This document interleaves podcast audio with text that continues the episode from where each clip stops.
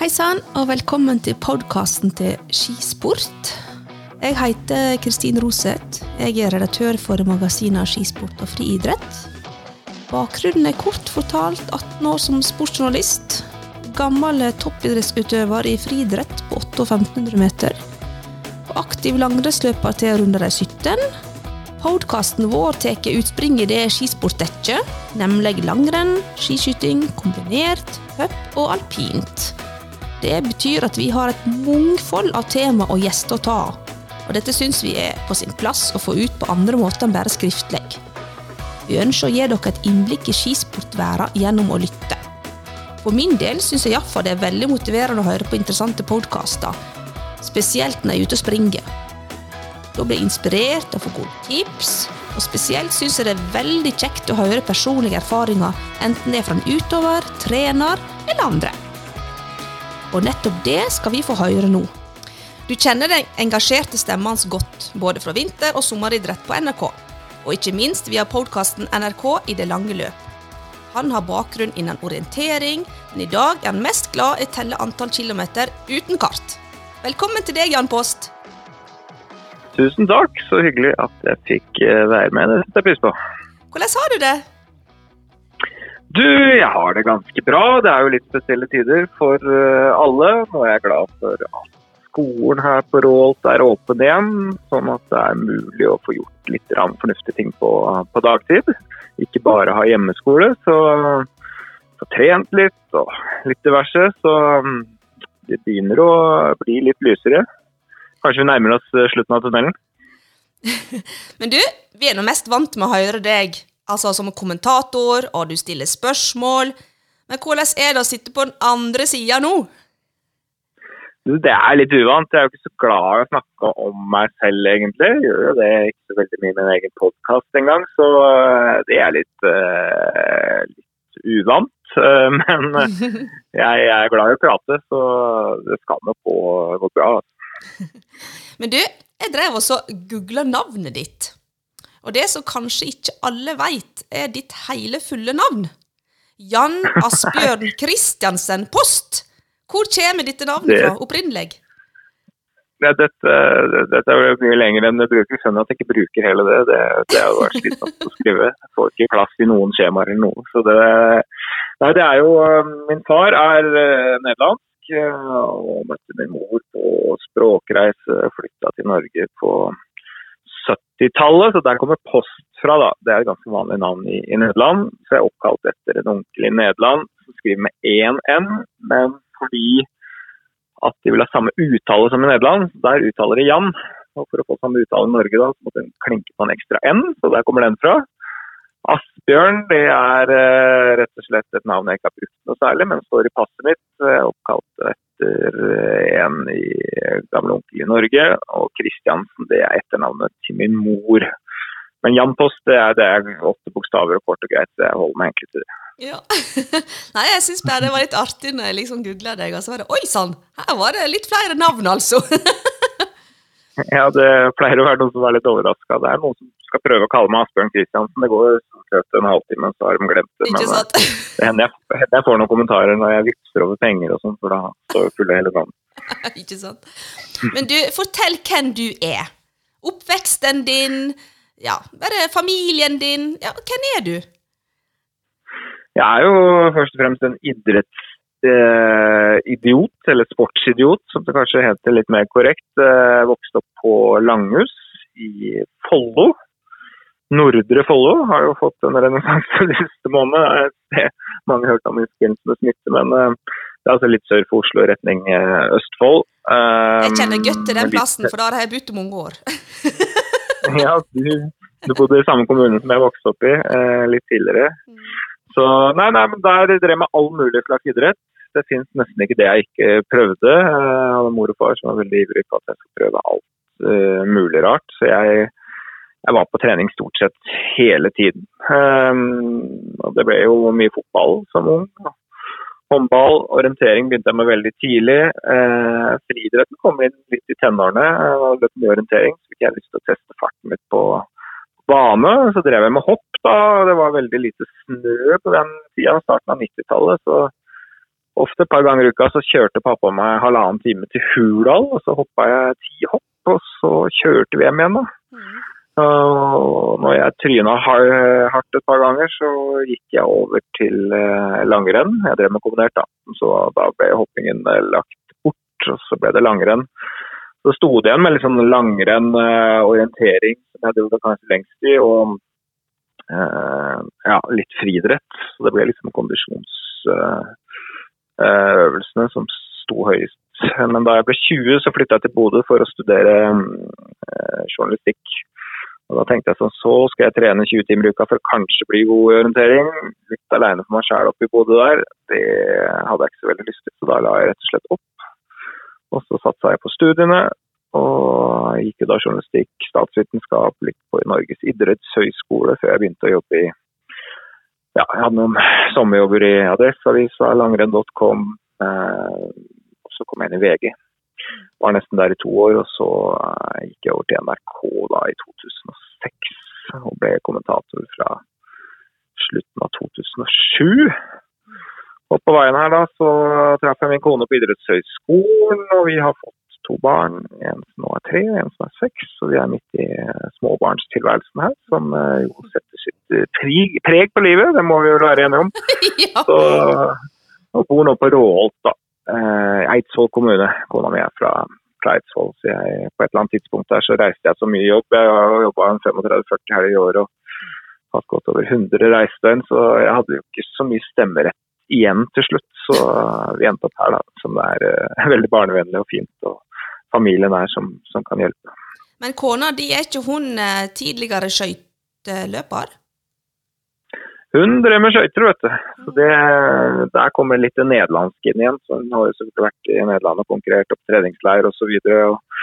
Uh, hun konkurrerte omtrent til hun møtte meg, så ble hun skada og røk akilles på idrettshøyskolen der. Så etter det så ble det ikke så mye konkurranse, men har jo det som bakgrunn. og syklet uh, mye på trening, sånn, så det hender jo vi har trent litt sammen opp gjennom årene. Hun vet jo hva det vil si å drive med idrett, så det har nok vært en fordel for begge. Hva er det du liker aller best med jobben din? Det er at jeg får eh, anledning til å følge idrettskonkurranser med all min uh, oppmerksomhet, rett og slett. Det er litt som i gamle dager. Altså, jeg idrett liksom best fra, fra 90-tallet, eller kanskje jeg var ja, 11-12 år til jeg var 15-16. For da var man så utrolig interessert. Man fulgte så nøye med. Man slukte absolutt alt. I våre dager så kan jeg se, ta meg selv liksom, se en fotballkamp, så har jeg liksom vært 17 ganger ned i mobilen og sendt noen meldinger, og plutselig har jeg gått til kvarter av matchen. Jeg aner ikke hva jeg har sett. Selv om jeg sitter og ser fotball, så aner jeg ikke hvem som har ballen omtrent. Eh, men når jeg kommenterer, så er liksom den der barnegleden over idrett. Er maksimalt konsentrert om den idrettskonkurransen og følger den fra A til B og får leve meg fullt og helt inn i det. Og når det i tillegg da har handlet om mine favorittidretter, som, eh, som er friidrett og, og, langrenn, så har jo det vært en, en, stor glede å få ha det som jobb, da. Det må jeg si. Men når du hører deg sjøl, for jeg regner med det at du av og til ser på opptak, eller?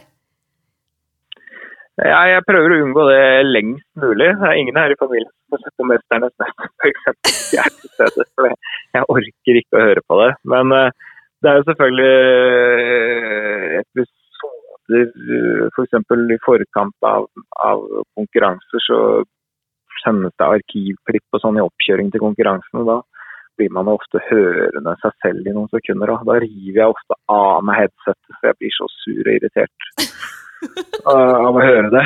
Så jeg orker rett og slett ikke. Jeg kan sitte og holde meg for øra, så jeg slipper rett og slett jeg ender i dårlig humør. Så jeg, er ekstremt lite glad i å høre meg selv. Syns det blir mye skriking og fjas. Forhåpentligvis så, så er, funker dette sånn brukbart når folk liksom er like spent selv da, og opplever det idrettsøyeblikket der og da. Men uh, jeg tenker liksom når det blir spilt av flere jeg vet jo, så vinner jo Husk hva skriker du sånn for. Og det er liksom, ja, og hvis det er for tett på konkurranse, bare høre gjennom en vanlig konkurranse, så hører jeg feil og dårlig grammatikk. Og ja, da blir jeg bare rett og slett gretten. Så ikke så veldig glad i det.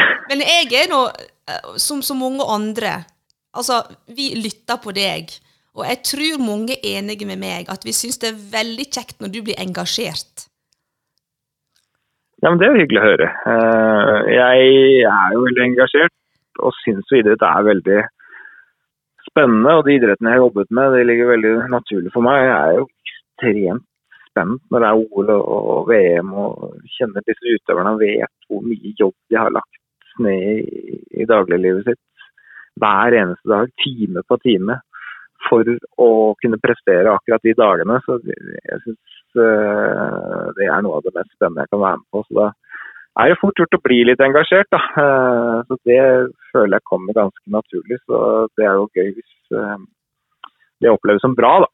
For å si det sånn, eh, jeg, tror, altså, jeg har hoppa i sofaen og skreket 'heia, heia' og 'kom igjen nå', mens du skriker det samme på, på TV-en. Og det er så artig.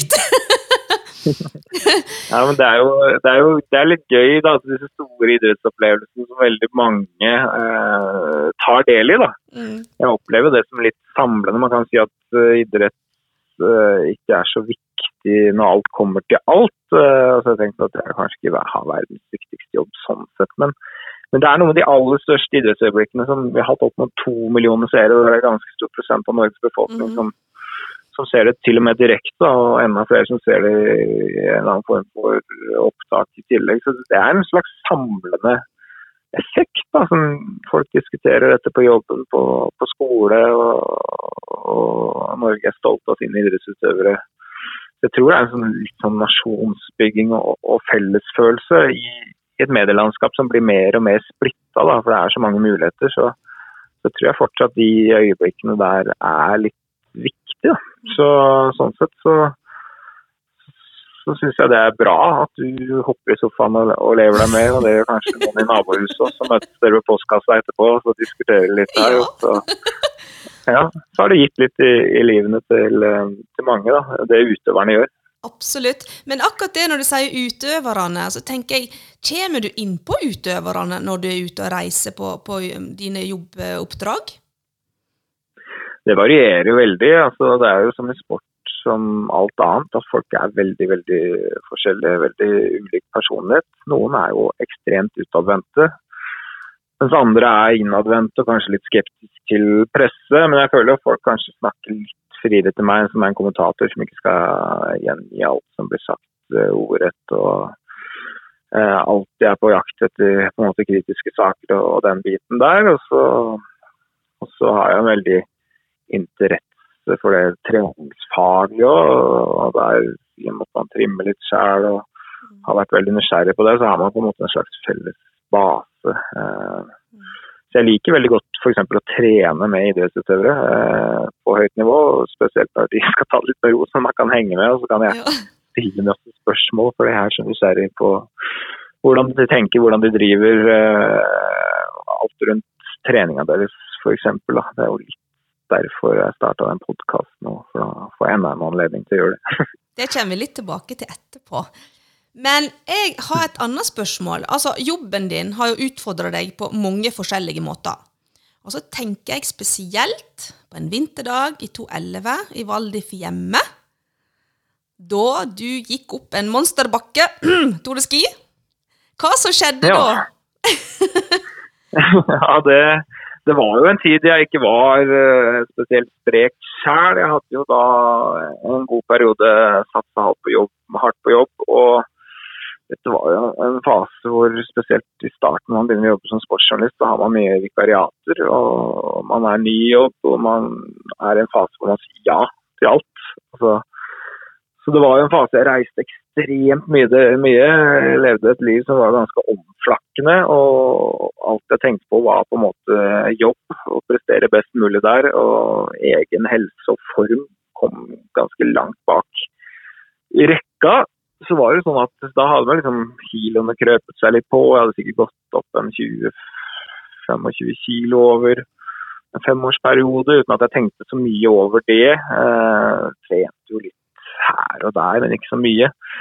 Men så skulle altså vi opp den berømte monsterbakken i Tour de Ski. Eh, det var siste etappe da i Toren. og så Vanligvis så er det eksperten da, som har med seg et kamerateam opp der og sier litt fornuftige ting om hva utøverne skal møte på dagens eh, test. Uh, men så var Thomas Alskog blitt sjuk. Han jobba for oss da, uh, så han var ikke helt i slag. Så fant jeg et eller annet lyst hode i redaksjonen at vi sender på en måte mannen i gata opp, og så ser vi hva som skjer da. Hvis en ordinært trent person skal opp der. Og det ble jo meg, da.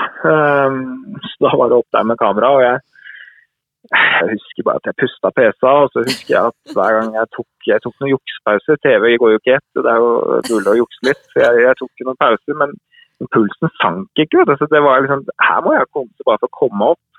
Og Da gikk det på en måte opp for meg at det bildet jeg hadde av meg selv i hodet som en ung, eh, ganske godt trent person, som jeg på en måte hadde vært hele livet fram til jeg var par og 20, da, det, det stemte veldig dårlig overens med virkeligheten. Så jeg tenkte at det her er så dårlig form, det, det kan jeg rett og slett ikke være. Uh, jeg trives ikke med det.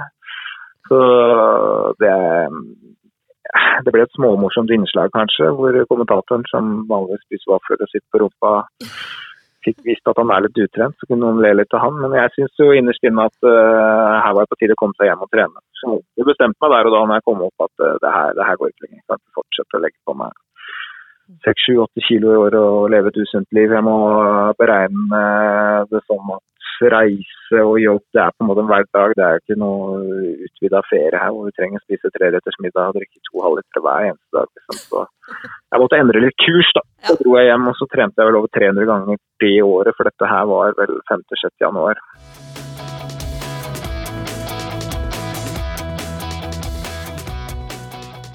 Når du bestemte deg for eh, å så endre livsstilen. Hva var det første du gjorde da? Altså jeg tenkte bare at nå må jeg komme meg i aktivitet. Jeg skal si ja til alle mulige tilbud om å være aktiv. For jeg skulle ikke begynne å løpe og løpe noe fort. Jeg har ingen tanker om den slags. Jeg skulle rett og slett komme meg litt ned i vekt og i bedre form. Så jeg hadde veddemål gående tidlig der med en kompis om hvem som skulle trene flest ganger. Så var målet å trene 200 ganger i året, og vi hadde noen regler for hva som telte som treningsøkt. Så, så, så, begynte jeg å bli aktiv på alle mulige måter. Alt fra styrketrening til løping til langrenn til innefotball til eh, ja, Hvis jeg hadde sjanse til å spille golf en dag jeg hadde trent på morgenen, så var det en enda mulighet til å holde kroppen litt aktiv. og så Sykla mye. Um, så det gikk i det da, egentlig de første månedene. Så det er klart at Når du en gang har vært i god form, så er det litt sånn heldig at du kanskje kommer litt lettere tilbake. De første ti kiloa gikk av veldig lett, og jeg kom i veldig mye bedre form på to måneder. Og Da blir du motivert til å legge ned en innsats. Eh, så da er på en måte det hjulet litt i gang. da. Eh, men jeg hadde ikke noen planer om at jeg skulle noe spesielt. Jeg skulle bare ta meg sammen litt. Men det enda noe med at du ble veldig glad i å springe? Ja, det var litt sånn tilfeldig. for I mars der så vi var i Falun, og så sier Thomas Alsgaard til meg skal du være med og løpe New York Marathon. Mm. Og så tenkte jeg som så at jeg hadde vært i New York uh, en god del år tidligere, da jeg hadde snev av gammel form. Uh, og da gikk det veldig, veldig dårlig. Jeg hadde vært skada og ble løpt, men jeg stilte meg opp og krabba opptrent i mål, hadde kramper og jeg hadde en ganske dårlig opplevelse med Så tenkte jeg at eh, jeg har på en måte en høne på hokke med New York Marathon. Eh, så det sier jeg bare ja til. Så jeg tenkte to tideler på det. Så sa jeg ja, jeg tror alle skal skvatte litt over det, og så meldte vi oss på samme dag. til Så da var på en måte det gjort. Det skulle betales, det er ikke så billig heller. Så Eh, da hadde vi det fra mars, da, eh, at jeg skulle løpe der. Eh, og Da var bare målet å være litt bedre forberedt til maraton. Jeg tenkte ikke så mye mer på det egentlig før vi kom til sommeren. Men da var det noen bare måneder igjen, og jeg var i veldig mye bedre form. da. Jeg tenkte at man, da burde man kanskje løpe en halvmaraton da, i starten av høsten hvis man skal løpe en helmaraton senere. Så jeg meldte meg på en halvmaraton borti Drammen. og jeg var ikke så kjent med distansen eller fart jeg burde holde, eller noen ting. Da, men jeg jeg stilte noe opp og, og, kom i mål og hadde en veldig god opplevelse. Jeg klarte å disponere det der veldig bra. Det var ikke så vondt, det var ikke så forferdelig. og Jeg løp et jevnt løp og løp vel på 1,27, tror jeg. Og så har man jo heldigvis noen gode kontakter eh, man kan ringe. Så jeg, jeg heter Jack Whiteslitz, så jeg ringte han og så sa jeg hvis jeg løper halvmaraton på 1,27, hva bruker jeg på maraton da? Nei, du må gange med to, og så, og så pluss på ti i hvert fall. Ja, OK, 27 mhm, Da er vi på 304. Er ikke det irriterende? Eller på 304 er bedre. Da, da tenkte jeg da får jeg trene litt da, de siste seks-sju ukene der. Da trente jeg litt mer målretta. Og så, så dro jeg til New York, og det, det var jo på en måte slutten av eh, eh, en lang eh, omveltning i livet. Da. Da hadde jeg begynt i januar, og så nå var vi i november. Og, og jeg følte jeg hadde gjort en ganske god jobb på trening, og jeg hadde jo gått ned 25 kg og var i en helt annen form. Og så skinte sola, løpsforholdene var så perfekte. Jeg tror det er de mest perfekte løpsforholdene som har vært i New York Marathon noen gang. Og Der har det vært mye rart. Mm. Jeg trodde jo at bare det var helt normalt, eh, men vi var nå 50 000 nærmere ute på start der. og og ting stemte veldig bra. Jeg passerte halvveis, tenkte at uh, dette går jo bra. Titta ned på klokka, så løp jeg noen sekunder fortere enn jeg hadde gjort i Drammen noen uker før. Da, da har jeg fått satt én pers i dag, tenkte jeg. For det får jo bare håpe at dette holder inn. Men jeg holdt inn. Storma forbi veldig mye folk som hadde fått det siste halvdel, og kom inn på 2.55.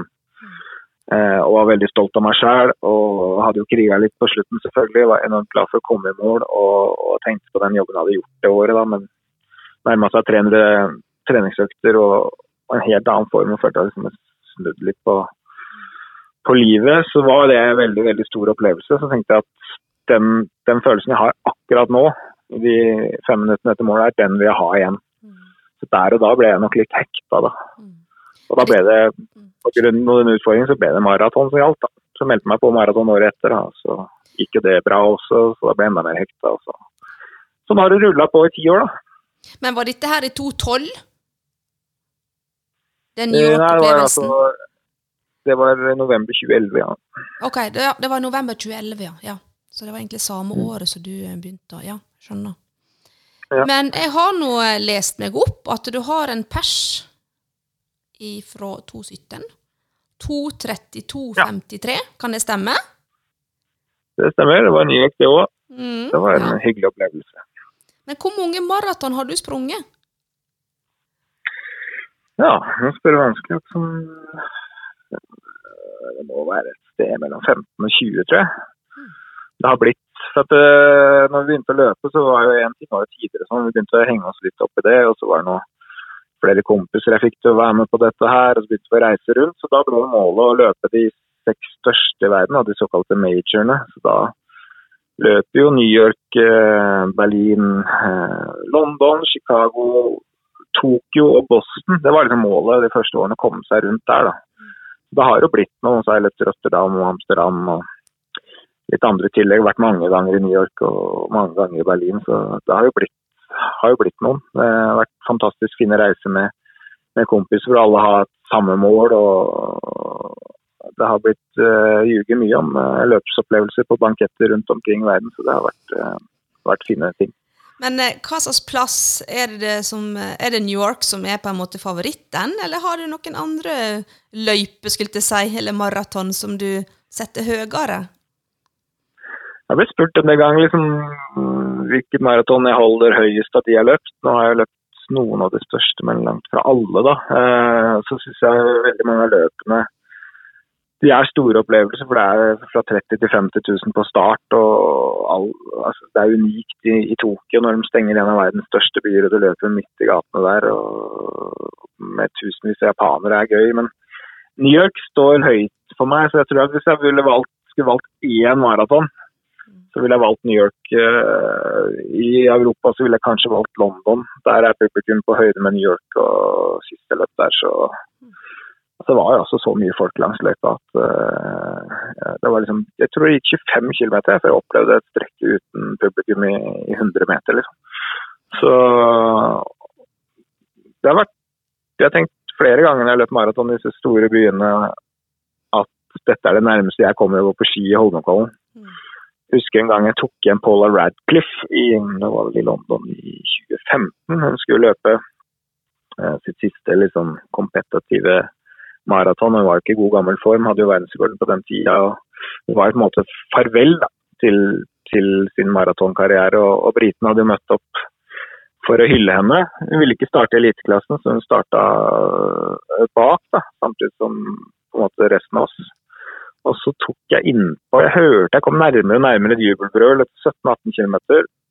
Og skjønte ikke helt hva som skjedde, men det var så veldig liv foran der. Og der lå det en gjeng eh, som løp i nærheten av henne, så så jeg at det var henne. Da tenkte jeg at eh, da får legge meg i den gruppa her, det, det her blir jo gøy.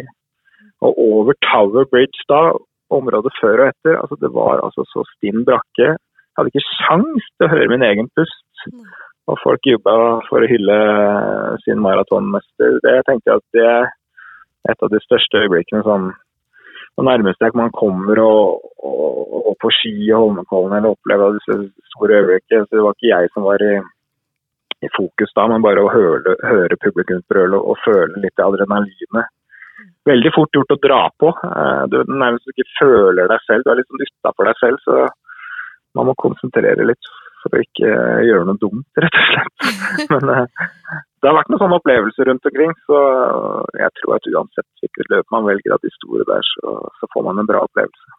Jeg hører at du har eh, blitt veldig glad i å springe. Og da lurer jeg på, hva er det som motiverer deg med springinga? Altså, hva er det som gjør at du ja, syns det er så kjekt? Ja, det er ganske mye. Altså, jeg skrev en bok fra for en liten tid tilbake mm. som er ute nå.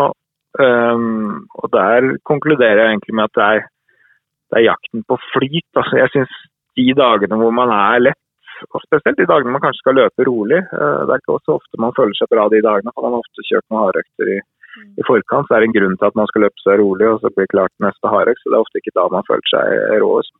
Noen av de dagene så har man av en eller annen grunn en toppkropp og et hode som er med, og så er det akkurat som tyngdekraften ikke fungerer like bra som andre dager, så alt er lettere. Altså, det kan være like lett å løpe i ganske god fart som å gå en annen dag. Bare kjenne den der flyten der, at nå kunne jeg holdt på i timevis. Det, det, koster meg ingenting, jeg bare flyter fra meg. Jeg kan være klin alene inne i skauen på en eller annen grusvei eller sti eller hvor det nå er. Den, den følelsen der, der syns jeg er rå. da. Skulle gjerne hatt den hver eneste uke, det har man ikke. men det er noe med det, det der. Vet du hva, den hadde jeg i går. Og det er ikke ofte jeg har den. Men i går løpte jeg 15 km, og jeg bare kjente at alt var så lett, og jeg kunne bare kjøre på. Og nei, vet du hva? Ja. Det var sånn utrolig god følelse. Så når jeg kom inn gjennom døra da, så jeg tok av meg løpeskoene og gikk i dusjen og tenkte å herlighet, for ei herlig løpeøkt. ja, sånn skulle det vært hver gang. Det hadde vært lettere å komme seg ut. Ja. Sånn er ikke det hver dag hos meg, iallfall. Men, men det var veldig kjekt. Langt, langt unna. Det er jo eh, gjerne Skulle gjerne visst litt hva det skyldes at man får sånne, sånne dager. Eh, det er ikke så lett å bli klok på, egentlig. Så jeg klarer ikke å planlegge det i det hele tatt. Men, men det er gøy. Og så er, er det selvfølgelig noe med den konkurransen og tiden og sånn. Jeg er konkurransemenneske, og så, så tror jeg at eh, det å oppleve mestring, at man får til noe er viktig også i, i voksen alder. Da. Man er veldig opptatt av at barna skal oppleve mestring og mm. få prøve nye ting. Og, og, så glemmer man litt det for oss, oss voksne. Det trenger ikke være løping, men løping er en sånn enkel form for å få til forbedring og, og mestring. Da. Hvis man ikke er topptrent og løpt, så får man stort sett litt igjen for den innsatsen man legger. Så jeg tror også den, den prosessen der eh, og den mestringsfølelsen jeg har opplevd spesielt på slutten av maraton, er så stor at den er blitt viktig. da.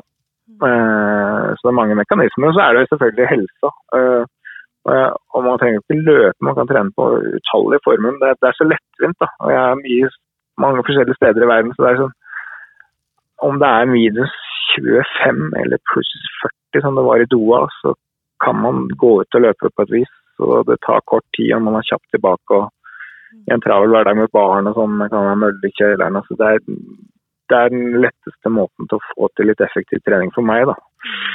Og, og jeg mener at jeg blir mer effektiv og generelt ved å legge inn en treningsøkt hver dag. Eh, jeg blir rett og slett gladere og mer fornøyd. Så jeg tror jeg er en bedre utgave av meg selv egentlig etter jeg begynte å trene igjen enn jeg kanskje var i 08-09.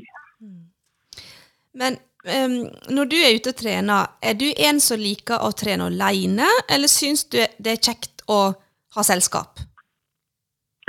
Jeg syns det er bra å trene med folk. Altså, det kommer litt an på situasjonen, men, men som småbarnsfar eh, så er det begrensa med sosialt liv etter hvert. Så kanskje den treningstiden er en mulighet til å være sosial. Da. Jeg har en del kompiser og venninner som, som, løper, så jeg syns det er veldig fint å, å, kunne prate. Og da er det jo ingen som har en mobil eller noe annet forstyrrende. da. Eh, så da kan man rett og slett føre bedre samtaler, opplever jeg ofte enn man gjør hvis man treffes ellers da, på en restaurant eller bar på den tida man gikk på det. Eh, eller hjemme hos folk. For eh, da er det mobil, det er ditt og datt, og det er et eller annet man skal følge med på. Så jeg setter pris på den sosiale kontakten. og Spesielt på dager det er litt tungt, så er det veldig fint å ha en avtale. Og så syns jeg ofte hvis man sier at man løper 15 km med, med, en venn, da, så føles det kanskje som 7-8 km når vi er ferdige. Ja, er vi ferdige allerede? Så det er litt sånn gratis kilometer. Så jeg, jeg trener gjerne folk hvis det er mulig. Men har du sånne faste kompiser, slik at du vet at, eh, at dere er litt på samme nivå når det gjelder løping? Ja, altså, det, ja, altså, det er jo fint med løping at, at uh, man trenger ikke å være på helt samme nivå for å trene rolig sammen. Altså, jeg har jo trent løpt eh, såkalt rolig tur med Jakob Ingebrigtsen, og jeg har løpt såkalt roletur med folk som er, er dårligere enn meg. Eh, så eh, det er jo et sprik der. Da. Hvis noen liksom tenker at man ikke skal følge en treningsplan slavisk, så er det ganske tilpasningsdyktig. Da. Eh, men jeg har selvfølgelig noen faste i området, og også inne i Oslo, som jeg har trent med en del opp gjennom årene, som jeg vet er på hugget. Så hvis jeg jeg vet hvem jeg skal ringe hvis, hvis jeg er i området. Men i løpet av en sånn vanlig uke, når du får til de øktene som du ja, får tid til, da, eh, med tanke på familie og jobb, hvordan ser ei sånn typisk treningsveke ut for deg da? Altså, jeg er litt opptatt av variasjon, og så er det sånn at livet mitt er jo litt uh, forskjellig fra uke til uke, så jeg peiler meg ofte ut to til tre økter som jeg ser på som de viktigste, og så plasserer jeg de på tidspunkt som jeg vet er veldig stor sannsynlighet for at jeg får tid til å gjennomføre dem uten for mye stress. Da.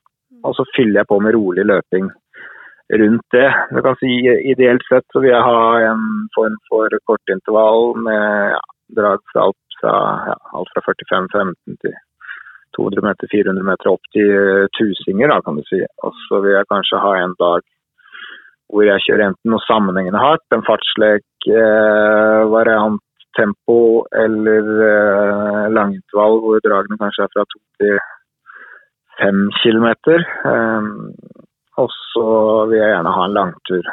Så av og til kjøre langturene rolig, av og til kjøre dem med en viss fart. da. Men prinsippet mitt er at jeg ikke skal løpe meg selv i grøfta, at jeg skal løpe ørlite progressivt på øktene. Jeg skal alltid kunne løpe raskest på slutten av hardøktene jeg er ferdig med å løpe meg stinn av melkesyre. Det gjorde jeg meg ferdig med i tenårene. Det gidder jeg ikke som mosjonist. Eh, det er mye mer behagelig å gjøre det på den måten, og jeg tror det er kanskje er like effektivt. Min treningsfilosofi er å få ganske mange kilometer på OK fart. Eh, det blir en ganske stor prosent av totaluka mi, for jeg får ikke tid til å og Jeg kan ikke løpe 160-180 km i uka, liksom. Det blir ofte 8-11 mil. Da. Så en ganske stor prosent av de når jeg er litt i draget, kan gå i OK fart. da. Eh, hvis du får inn tre hardøkter der. Så det er på en måte prinsippet. Men du har jo snakka med veldig mange gode idrettsutøvere, blant verdens beste. Har du tatt noen tips fra dem og tatt dem inn i treninga di? Du, jeg lærer noe hele tida når jeg snakker med folk. Eh, det er det som er så fint med trening, at det blir gjort veldig mye forskjellig. og Det er veldig mye forskjellig som fungerer. Det er ingen fasit. Eh, og folk endrer jo oppfatning i løpet av egen karriere òg. Så det er på en måte alltid utvikling. og jeg liker jo å prøve nye ting. og så Jeg liker å danne meg et bilde av hva som blir gjort rundt omkring, og teste litt. og så er jo ikke jeg så systematisk at jeg skriver ned noen plan eller noe sånt, så jeg, jeg føler meg litt fri. Så jeg, jeg tar litt her, der, litt og der. Her for noen uker siden snakka med Jakob Ingebrigtsen på podkasten, så anbefalte han en økt. Så tester jeg litt det. og så kanskje snakka med Sondre Nordstadmoen en annen gang i forbindelse med maratontrening. Så tester jeg noe han har gjort, og så skrur det til mitt nivå. da, og så eh, diskuterer egentlig trening med alle jeg har sjanse til å diskutere trening med. Jeg tror ikke det finnes noen jeg ikke har lært noe av. Så jeg blir inspirert av alt og alle. Eh, både toppidrettsutøvere, men ikke minst folk som er i min egen situasjon. Det er utrolig hva folk får til eh, mellom slagene i dagliglivet. Og jeg er veldig imponert over veldig mange som, som klarer å stå på og holde dette i gang. Og det syns jeg er litt sånn kjekt når jeg hører på podkasten eh, din, da, eller til NRK i langløp. Eh, dette at du av og til tar fram liksom, ja, mannen i gata som, som eh, enten har kommet seg godt i form, eh, eller noen ukjente som har gjort noen stunt. Altså det, det, er veldig artig og inspirerende å høre på. Høre at det er mange som springer der ute. Det er mange som løper. altså Det ser vi hver gang man er ute, egentlig. Jeg syns det er mange flere enn det var, for 20 år siden. Spesielt flere jenter eh, som løper en tur rundt Sognsvann. Så syns jeg det er flertall av dem. Så, ja, og, alle har sin egen historie. Alle på en måte kjemper eh, sin kamp for å bli i bedre form på et eller annet eh, nivå. Så Det er jo veldig mange historier. Så er det jo noen som drar det lenger enn andre. noen drar det langt inn ultraløp, og noen er eldre og har startet en løpekarriere og blitt fantastisk gode på kort tid. Andre har vært store talenter som unge, og så har de ligget nedenfor og kommet tilbake. Og det, er, det, er, så mange varianter. da. Noen har veid 180 kilo og kvitta seg med halve kroppsvekta og, og finner gleden av å trene. Så det, det er jo mye å, å, snakke om. Jeg er veldig glad i de historiene sjøl.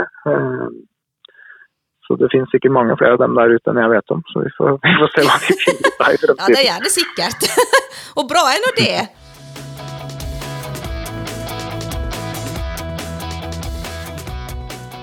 Jeg tok en prat med en som du kjenner. Og vedkommende han beskriver deg som en motivator. En som er pålitelig, eh, nysgjerrig og konservativ. Kan du gjette hvem det er?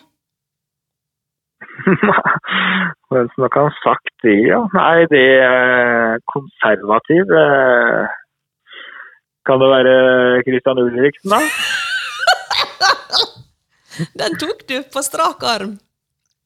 Ja, ja jeg ringte han for noen dager siden. Ja, det er bra. Ja, han, er litt, han, er litt vild, han er litt villere enn meg, så jeg skjønner at han drar fram akkurat Nei, men så ble jeg litt nysgjerrig da, på hva han mente med at du er konservativ. Ja. ja. Ga han noe svar på det, eller skal jeg svare? Det var du som skulle svare på det. Ja, akkurat. Nei, jeg er vel litt opptatt av å være en som ikke eh, tar for mange snarveier. Da. Så jeg, sånn, etisk sett så er jeg sånn, kanskje litt gammeldags, så jeg tar kanskje ikke for mange sjanser i livet sånn sett heller. Um, når det kommer til trening, så er jeg kanskje ikke så nøye på det, men jeg er litt opptatt av å følge regler og gå tjenestevei og, og den biten der. da, Så det er kanskje litt det han tenker på. Men han sa også det at uh, han syntes du var en veldig motivator. Uh, og, uh, og, så kommer vi litt fram til neste, det som jeg tenkte på å snakke om. Det var podkasten deres. Dere har jo holdt på siden 2019. Og jeg har talt 73 episoder, da med den siste, som jeg hørte på i dag. I dag tidlig. Um, ja. og han sa at, at han sa noe om lim i po... Altså eh, Eller Ja, lim i podkasten, sa han, altså mellom dere to. Eh, at dere hadde et sånn Et godt forhold, da. Eh, hva skal jeg si, da? Eh, han syns iallfall det at eh, at du var veldig kunnskapsrike. Han har eh, fått mye kunnskap ut av deg. Eh, du har motivert han. Eh, og så sa han det at 'jeg er nå som jeg er'. Jeg sier nå det jeg sier. så det var litt sånn Det var bare sånn artig samtale med han. ja. Um, så, så, så, lurer jeg litt på Hvordan starta hele dette her samarbeidet mellom dere to? Ja, det er jo litt artig. Han, jeg kan bare si det først, han er ikke så opptatt av å være politisk korrekt. Han sier jo akkurat det han mener, og det er derfor det er litt gøy å høre på ham, syns jeg. da. For at, uh, Han er jo ikke så opptatt av dette, hvor mange dette går ut til, og om dette kan føre til noen medieoppslag. og Jeg er kanskje litt mer opptatt av uh, ja, hvordan ting blir oppfattet utad. Det er kanskje en yrkesskade etter uh, nærmere 20 år i den bransjen. Da er man litt forsiktig og veier orda litt mer, men han er litt friere. Det er jo Deilig. Nei, men han, han har en historie som er ganske lik som min. Trente mye som ung, og så ble han pokerproff og ganske utrent. Så dukka det opp, det var faktisk samme år, jeg tror det var 2011, et veddemål med faren sin hvor han vedda 50 000 på om han kunne løpe Midnight Sun Marathon under uh, tre timer. Uh, og det klarte han vel med noen sekunders margin, og da ble også han litt hekta på maraton og skulle trene videre.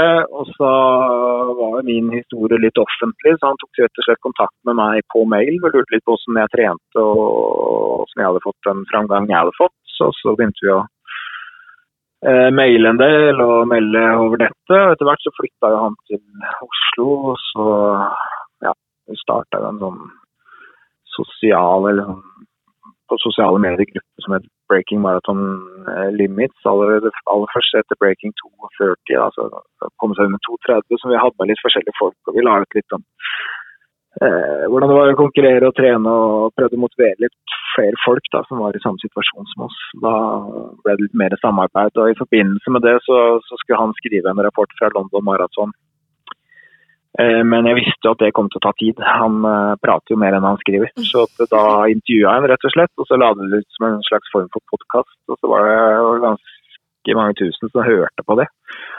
Og Da tenkte vi da får vi vel snakke sammen neste uke òg. Og så heter den 'Breaking Marathon Limits' i ja, 20 episoder eller sånn. Og så eh, ble vi tatt inn i NRK med det. Så da har det blitt over 100 episoder til sammen. Eh, han er jo fortsatt seg sjæl og melder rett fra leveren og skyter fra hofta.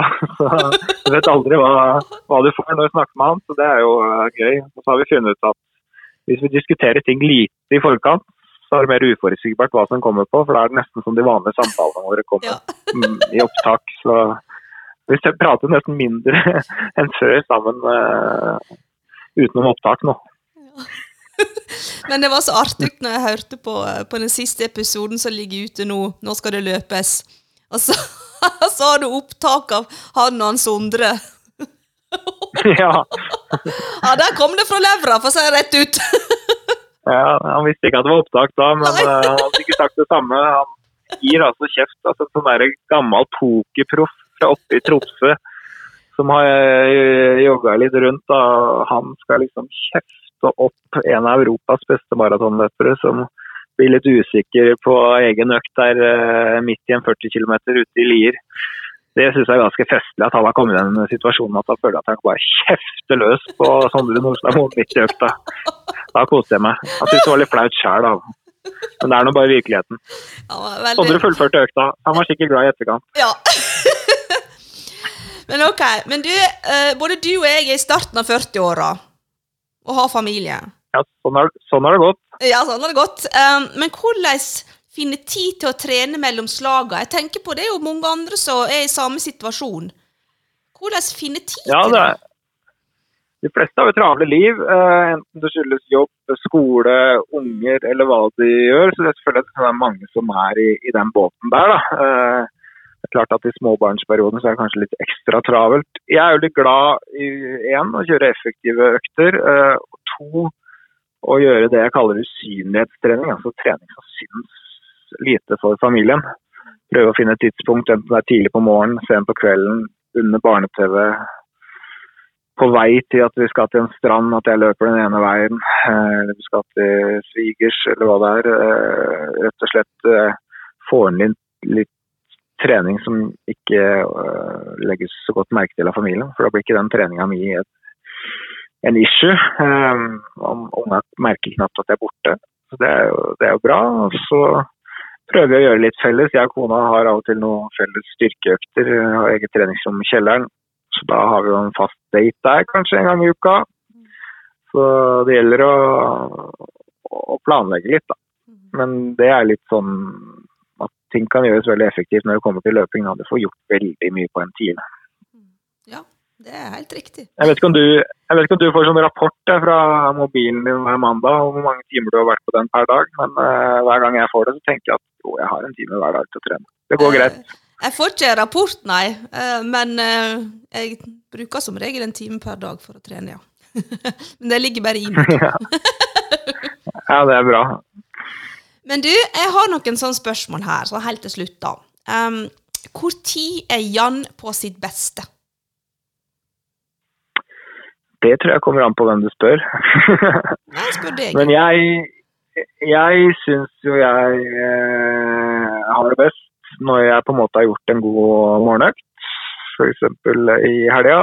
Og så kommer jeg tilbake såpass tidlig, jeg er fornøyd med økta, at jeg fortsatt har tid til å ordne litt frokost for familien og få samla hele familien der. Jeg er veldig fornøyd med at jeg har trent og hele dagen foran oss. Været er bra, og, og ungene blide og fornøyde. Og vi kan ha en eh, god frokost der og spise godt og kose oss. Da syns jeg jeg er ett steg foran. Det er litt grunnen til at boka mi heter det den, den gjør. Um, og så et annet punkt er at jeg syns det er gøy når jeg er så inne i en idrettskonkurranse når jeg kommenterer at jeg, at jeg på en måte glemmer hva jeg har sagt og gjort. At jeg er bare så inne i det at uh, jeg tenker knapt på at uh, det jeg sier går ut, til i verden. ja. da, da, har jeg ikke noen forstyrrelse oppi hodet mitt, i hvert fall. Da er det ingen bekymringer som uh, plager meg. Hva er det som virkelig betyr noe for deg? Det er selvfølgelig familien. At de nærmeste har det bra. Og at de får lyst til å Eller får lov til å prøve det de har lyst til, og at de eh, syns livet er bra, rett og slett. Hva er din beste avslapningsmetode? Det er nok litt kjedelig. Altså, det, er, det er Netflix og chill. eh, unga er lagt og det er ferdig trent og det kanskje er en time og halvannen igjen før man må legge seg og bli klar for en ny dag, så å ligge på sofaen og se noe halvveis meningsløst, gjerne en serie som både kona og jeg følger med på, prøver å holde noen serier felles, eh, det er god avslapning for meg. Hva er kategorien da på serier? Er det krim eller thriller eller drama? Det kan være litt forskjellig, litt forskjellig. Vi må gjøre noen kompromisser av og til. Det kan være alt fra kostymedrama til, eh, til eh, en annen eh, sportsdokumentar. Det er jo Vi kan gjerne se Sundby mot resten av verden eller familien Ingebrigtsen sammen. Det er, det er det av sport vi kan følge med på begge to. Noe sånt kanskje. Hva er favorittøkta di? Oi. Um, ja, har jo har noen favoritter, da. Eh, det har man jo opparbeida seg. Eh, jeg syns det er eh, fint med så lange, sammenhengende økter som går kanskje litt over under terskel. Eller si at du løper en kilometer i ca. halvmaratonfart. da. Så løper du en kilometer i flyt, en 20-25 sekunder saktere. Og så gjør du sånn annenhver gang i en ja, 15-20 km. Det er sånn økt jeg jeg liker. Så liker jeg også litt tøffere langturer hvor man føler seg bra veldig lenge og føler bra flyt. De kan være litt forferdelige på slutten, men eh, det er bra, bra en stund. Hva er favorittmatretten din? Oi. Det, før i tida så lagde jeg ganske mye mat og var ganske opptatt av mat. Eh, men eh, jeg har jo pleide å spøke med det hjemme her, at vi har slutta å lage mat og begynt å varme opp mat. Eh, ettersom dette småbarnslivet har eh, satt sitt preg på tilværelsen. Eh, mindre glad i sånne tunge kjøttretter enn en før. Eh, hva skal man svare, da? Jeg, rett og slett kanskje en lasagne lagd fra bånn hjemme, som man har brukt eh, ja, fire-fem timer på dette kjøttsausen der og lagd en god ostesaus og fått dette i hop. Når den er uh, fin der 20-25 minutter etter den er tatt ut av ovnen, da, da er det godt. Altså. Tenk å være mer komplisert enn det egentlig. Da koser du deg? Da koser jeg meg. Ok, hva slags musikk liker du? Å, jeg er en sånn listepop-type. Som rett og slett kan høre på det som er populært uh, her, og, her og nå. Uh, det er litt kjedelig der, rett og slett. Altså.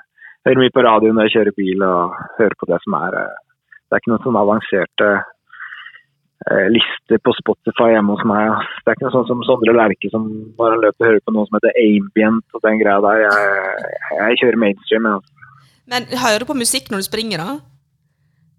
Eh, veldig lite ute, men hvis jeg skal løpe på mølla og løpe en hardøkt, så er det ofte sånn at jeg finner en eller annen, et eller annet gateløp eller baneløp. Eh, 10 000 meter da, for så vidt. Eller ja, halvmaraton, maratonløp er jo kanskje favoritten.